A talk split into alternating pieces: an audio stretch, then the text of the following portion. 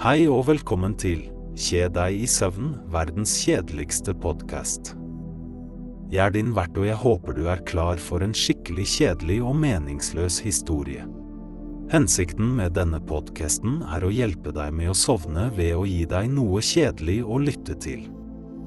Kanskje du har hørt om hvitt støy eller ASMR som kan hjelpe deg å sovne.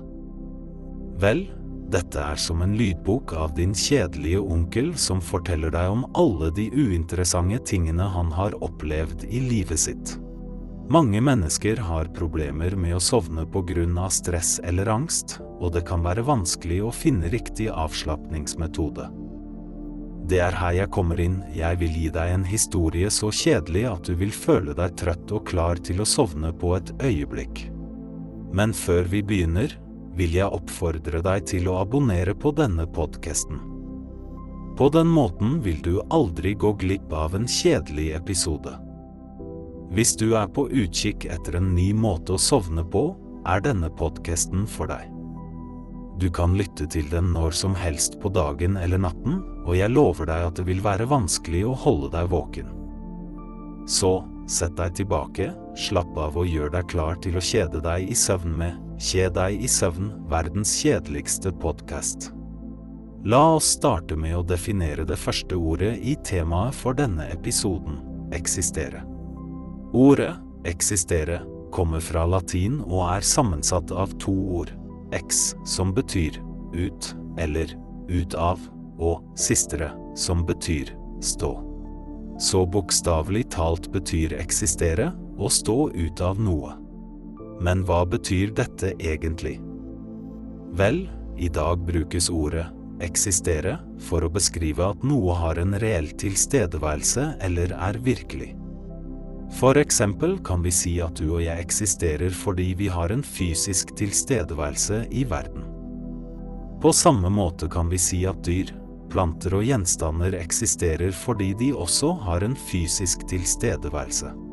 Det er imidlertid viktig å merke seg at eksistere kan brukes på flere måter enn bare å beskrive en fysisk tilstedeværelse.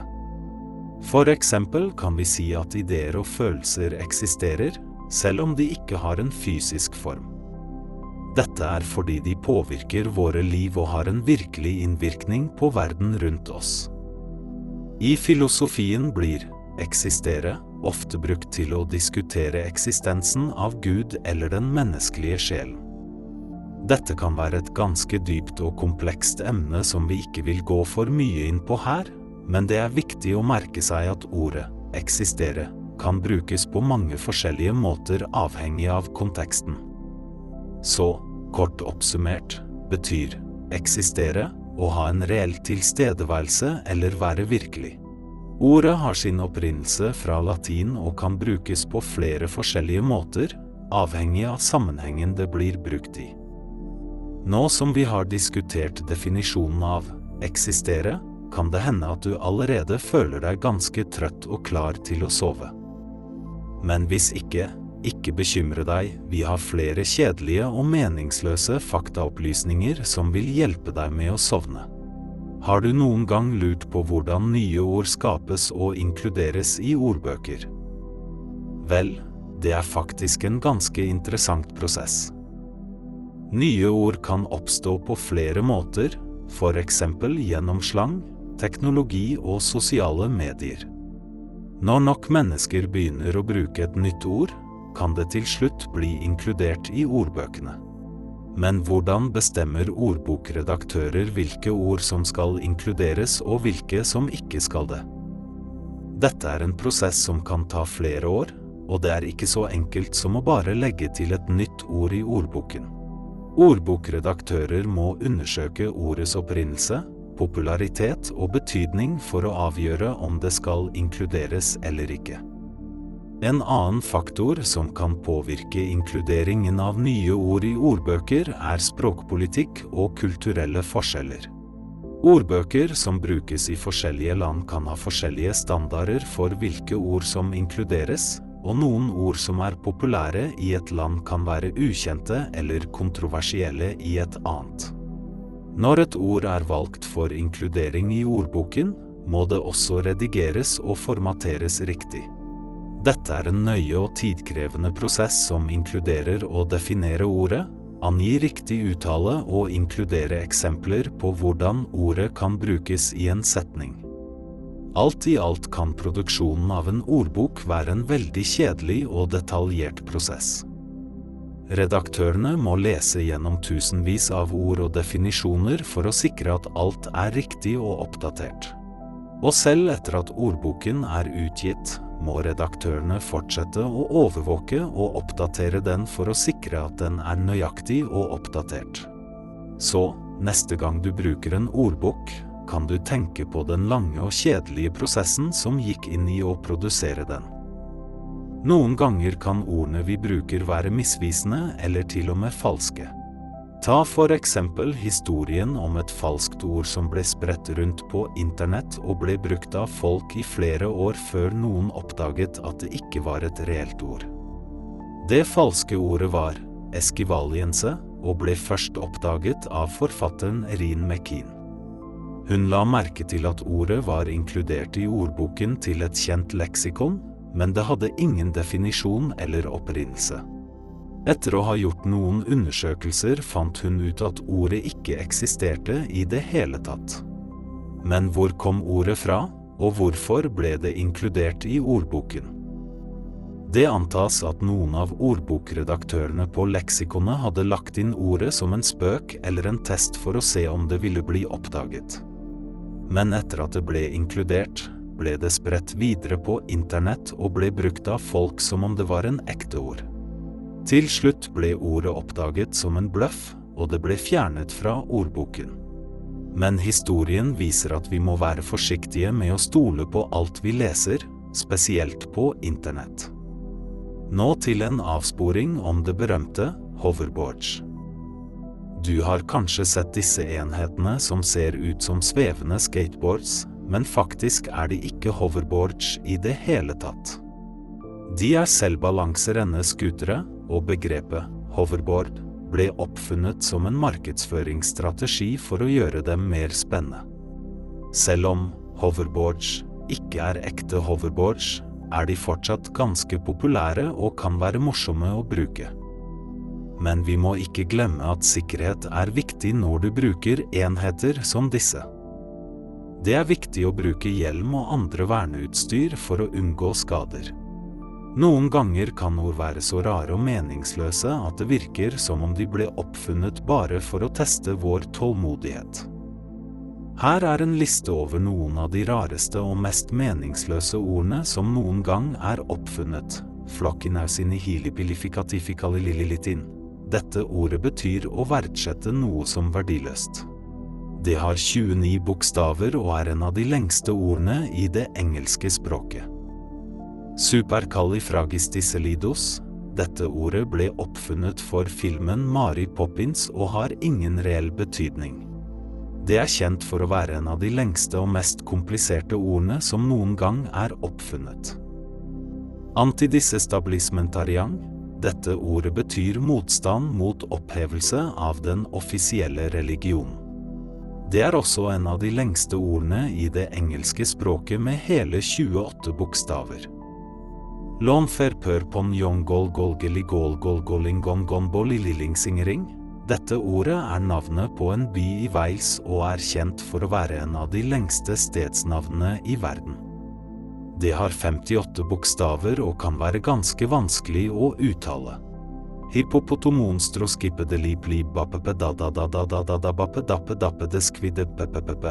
Dette ordet beskriver en irrasjonell frykt for lange ord. Det er ironisk at ordet i seg selv er et av de lengste ordene som noen gang er oppfunnet. Disse ordene kan virke meningsløse og irrelevante, men det er fortsatt interessant å tenke på hvordan de ble oppfunnet og hva som var hensikten med å oppfinne dem. Kanskje noen oppfant dem bare for å se om de kunne lage et ord som var lengre eller mer komplisert enn det forrige. Men uansett hvor rare disse ordene er, viser de oss hvor allsidig og morsomt språket kan være. Kanskje du til og med vil prøve å bruke noen av dem i samtaler eller i skriftlig arbeid. Hvem vet, kanskje de vil til og med hjelpe deg med å sovne når du trenger det som mest. Ordspråket 'to nasjoner delt av et felles språk' kan gjelde for mange land, inkludert USA og Storbritannia. Selv om amerikansk engelsk og britisk engelsk har mange likheter, er det også mange forskjeller i uttale, stavemåte og betydning av ord. For eksempel betyr ordet fag i Storbritannia en skoleklasse, mens det i USA kan referere til en homofil person. På samme måte kan ordet chips bety pommes frites i USA, men det refererer til crisps i Storbritannia. Dette kan føre til forvirring og misforståelser når folk fra forskjellige land snakker sammen eller leser tekster fra hverandre. Det kan også føre til pinlige situasjoner når ord brukes feilaktig i en annen kulturell kontekst. Men det er ikke bare forskjeller mellom land som kan føre til forvirring. Selv innenfor samme land kan det være forskjellige dialekter og lokale uttrykk som kan være vanskelige å forstå for noen som ikke kommer fra området. For eksempel kan noen fra Sør-England ha vanskeligheter med å forstå en person fra Nord-England, og omvendt. Det kan være forskjeller i uttale, ordforråd og grammatikk som kan gjøre det vanskelig å kommunisere effektivt. Så neste gang du snakker med noen fra en annen del av verden, eller til og med fra en annen del av landet, kan det være lurt å være klar over at noen ord kan ha en annen betydning enn du forventer. Og hvis du noen gang reiser til et annet land, bør du kanskje ta deg tid til å lære noen lokale uttrykk og dialekter for å unngå forvirring. Så, nå har vi diskutert ord som har forskjellig betydning i forskjellige deler av verden, og hvordan dette kan føre til forvirring. Og vi har også hatt en liten avsporing om de forskjellige dialektene i England. Jeg håper du har funnet denne informasjonen like kjedelig som den er nyttig for å sovne til. Noen dyr har så rare navn at det virker som om de ble oppfunnet bare for å være vanskelige å uttale eller huske. Men faktisk har mange dyrnavn en interessant opprinnelse og kan fortelle mye om dyrets egenskaper eller historie. Ta for eksempel kiwi, et lite flygudyktig fugl som er en nasjonal symbol for New Zealand. Navnet kommer fra maori-ordet kiwi, som betyr ugleapen. Dette skyldes at fuglens nese ser ut som et uglegap, og den har også nattaktive vaner, som en ugle. Et annet eksempel er kakapo, en flygeløs papegøye fra New Zealand. Navnet kommer fra maori-ordet kakapo, som betyr nattpapegøye. Dette skyldes at kakapoen er aktiv om natten og sover om dagen men ikke alle dyrnavn er like interessante eller spennende. Noen dyr har navn som høres ut som om de ble oppfunnet bare for å være kjedelige og meningsløse. Ta for eksempel en liten kjedelig bille som heter Common Corpit Beetle. Navnet kommer rett og slett fra det faktum at billelarvene kan spise tepper. Et annet eksempel på et ekstremt kjedelig insekt er halsfly. Navnet er ganske selvforklarende, det er en flue som vanligvis finnes i hus. Men selv om navnet er kjedelig, kan fluen selv være ganske irriterende når den svermer rundt i rommet ditt.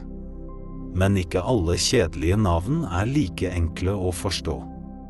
Ta for eksempel en liten bille som heter Anoftalmus hitleri. Navnet er ganske kontroversielt av dens opprinnelse, men faktisk betyr det rett og slett Hitlers øyeløse. Det refererer til det faktum at denne billarten mangler øyne. Så, selv om noen dyrnavn kan virke rare, meningsløse eller kjedelige, kan de fortsatt være interessante å utforske. De kan fortelle mye om dyrets egenskaper eller historie, eller de kan bare være rare og morsomme å uttale. Mange yrker har sine egne spesifikke ord og uttrykk som kan være vanskelige å forstå for utenforstående. Dette kan føre til forvirring og misforståelser når man prøver å kommunisere med noen fra et annet yrke eller en annen bransje. Ta for eksempel medisinsk fagterminologi. Legebesøk kan føles som om man prøver å deskifrere et helt annet språk, med termer som myocardial infarction og endoskopi. Men selv om disse ordene kan virke fremmede og skremmende, er det viktig at helsepersonell har en felles forståelse av medisinske termer for å kunne kommunisere nøyaktig og effektivt. På samme måte har også andre yrker, som teknologi og jus, spesifikke termer som kan være vanskelige å forstå for utenforstående. For eksempel kan en teknisk person snakke om RAM og CPU, mens en juridisk person kan snakke om juridisk premiss og juridisk doktrine. Men det er ikke bare fagterminologi som kan være vanskelig å forstå. Mange yrker har også slanguttrykk og forkortelser som kan være forvirrende for utenforstående. For eksempel kan en politimann snakke om en APB, all points bulleteng, eller en PERP, perpetrator, mens en militærperson kan snakke om en FOB, forward operating base, eller en NCO, non-commissioned officer. Selv om dette kan virke som en uoverstigelig hindring, er det faktisk viktig å ha en felles forståelse av spesifikke ord og uttrykk for å kunne kommunisere effektivt og nøyaktig. Det kan også bidra til å skape en følelse av fellesskap og tilhørighet innenfor en bestemt bransje eller yrke. Så neste gang du snakker med noen fra en annen bransje eller et annet yrke, kan det være lurt å være oppmerksom på at de kan ha sine egne spesifikke termer og uttrykk. Og hvis du noen gang vurderer å gå inn i en bestemt bransje eller et bestemt yrke, kan det være lurt å lære deg noen av de vanlige ordene og uttrykkene for å føle deg mer komfortabel og kompetent. Mens vi vanligvis antar at ordene vi bruker betyr det samme for alle, kan det faktisk være store forskjeller i betydning og uttale mellom forskjellige deler av et land. Dette skyldes ofte at forskjellige dialekter utvikler seg og former ordene på forskjellige måter. For eksempel kan ordet soda bety en kullsyreholdig drikk i noen deler av USA, mens det kan bety brus generelt eller en type brus i andre deler av landet.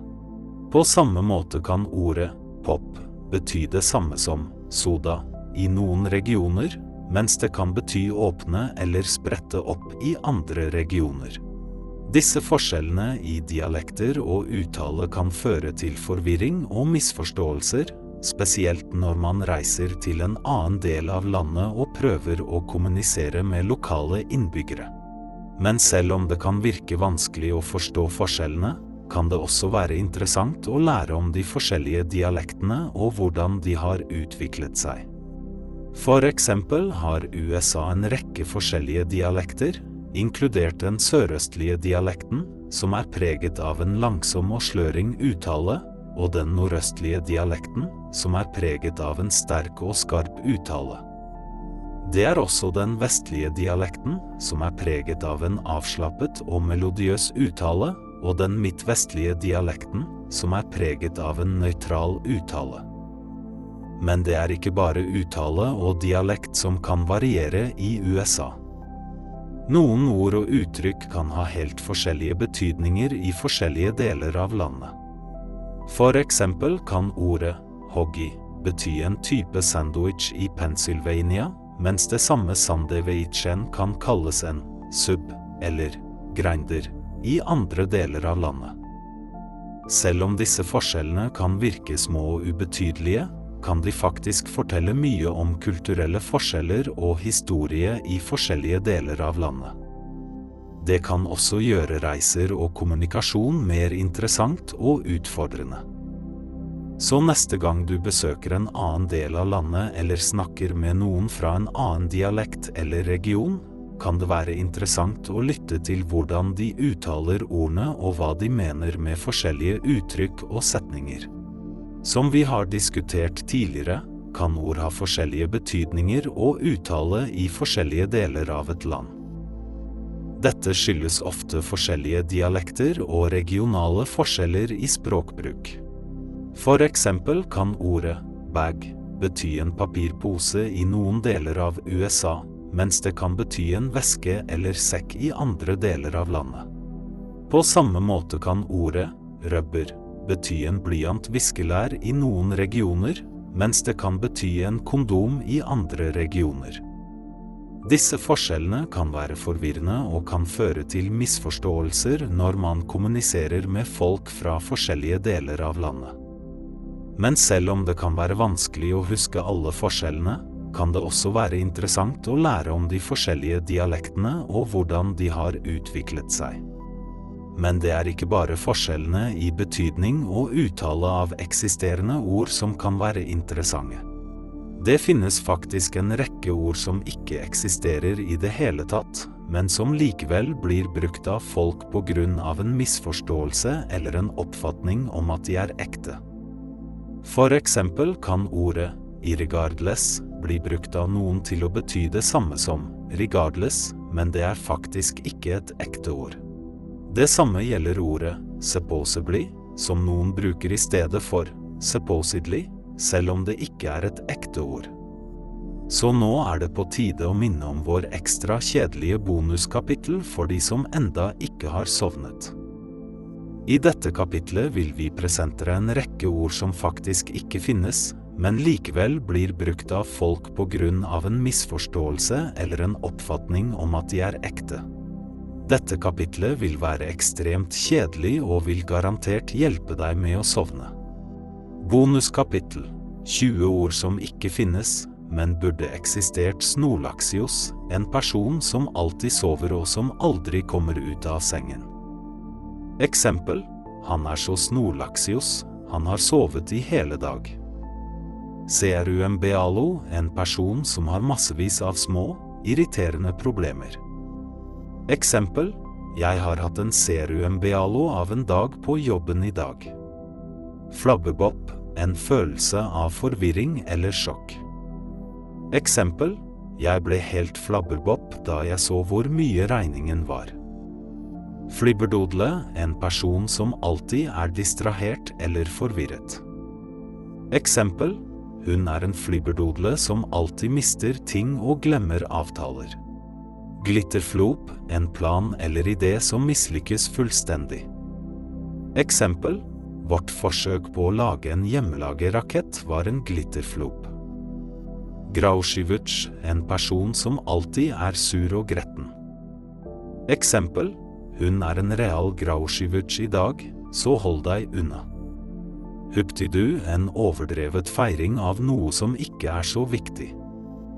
Eksempel De gjorde en stor huptidu over bursdagen min, selv om jeg egentlig ikke bryr meg så mye om det. Jibbewoki, en person som snakker uforståelig eller babler om ingenting. Eksempel Han sa noe jibberwoki om et romvesen som kom ned fra himmelen. Kerfuflebæri, en liten krangel eller uenighet. Eksempel Vi hadde en liten kerfuflebæri om hvem som skulle betale for pizzaen. Lolligog å bruke for mye tid på å gjøre ingenting. Eksempel Jeg lollygogger rundt i dag og får ingenting gjort. Nodlebrein, en person som alltid glemmer ting eller gjør dumme feil. Eksempel jeg er en total nodlebrein når det kommer til matte. Obli-blobli, en følelse av lykke og opphisselse. Eksempel Jeg føler meg helt obli-blobli når jeg hører favorittsangen min. Pifle-vifle, en person som alltid lyver eller overdriver. Eksempel Han er en stor piflevifle som aldri forteller sannheten. Quisletikle, en følelse av spenning og forventning. Eksempel Jeg har en quisletikle i magen fordi jeg skal på en spennende date i kveld. Rasledasle og prøve å imponere noen med flashy og overfladiske triks. Eksempel Han prøvde å imponere meg med all sin rasledasle, men det virket ikke. Snikkerdødle, en person som alltid er søt og snill. Eksempel Hun er en ekte snikkerdødle, alltid klar til å hjelpe andre. Totals, en måte å si farvel på. Eksempel Totals for nå, vi sees senere. Tvislestikk, en person som alltid er nervøs eller anspent. Eksempel, jeg er en total tvislestikk når jeg skal snakke foran folk. Vimsivu, en person som alltid er full av fantasifulle ideer og drømmer. Eksempel, hun er en skikkelig vimsivu, alltid full av kreative ideer. Javnjavn, en person som alltid er trøtt eller sovner lett. Eksempel, jeg er en ekte javnjavn om morgenen, jeg kan aldri våkne ordentlig. Disse 20 ordene er selvfølgelig fullstendig oppdiktet, men det er alltid morsomt å tenke på hvordan vi kunne ha brukt dem i hverdagen hvis de faktisk eksisterte. Kanskje vil noen av disse ordene bli så populære at de en dag blir en del av det vanlige språket vårt. Bonuskapittel om fluer, maur og fem nye, meningsløse ord fluer og maur har en helt annen forståelse av ord enn vi mennesker har. De bruker enkle duftstoffer og vibrasjoner for å kommunisere og navigere i omgivelsene. Ord er derfor ikke like viktige for dem som for oss.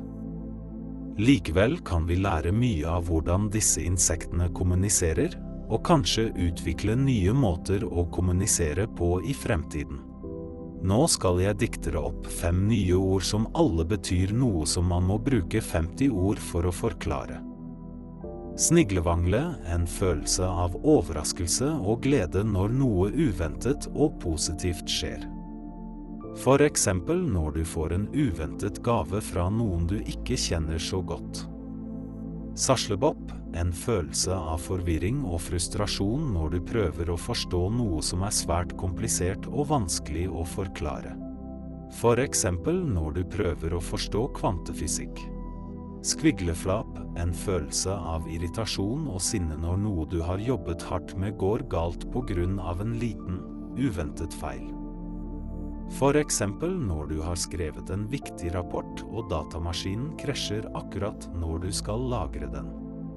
Blubberhomp, en følelse av lettelse og avslapping når du har fullført en stor og krevende oppgave. Eksempel når du har fullført et maratonløp. Flippity floop, en følelse av lykke og fred når du tilbringer tid i naturen og kobler av fra stress og bekymringer. Eksempel når du går en tur i skogen og lytter til fuglene. Nå som vi har lært oss disse nye ordene, kan vi legge til dem i vår kommunikasjon og kanskje utvide vår forståelse av følelser og opplevelser. Til slutt ønsker jeg å avslutte denne podkasten med et grusomt kjedelig dikt som skal bli ekstra meningsløst ved hjelp av å bruke ord som ikke finnes. Hodet til en snikkerdødle som snuste så mye at hun ble en sniglevangle. Hun hoppet og spratt som en glimmer-BLIP og ble til slutt en flubbervomp. Hun sukket og pustet som en piffeldump. Takk for meg og takk for deg og sov godt.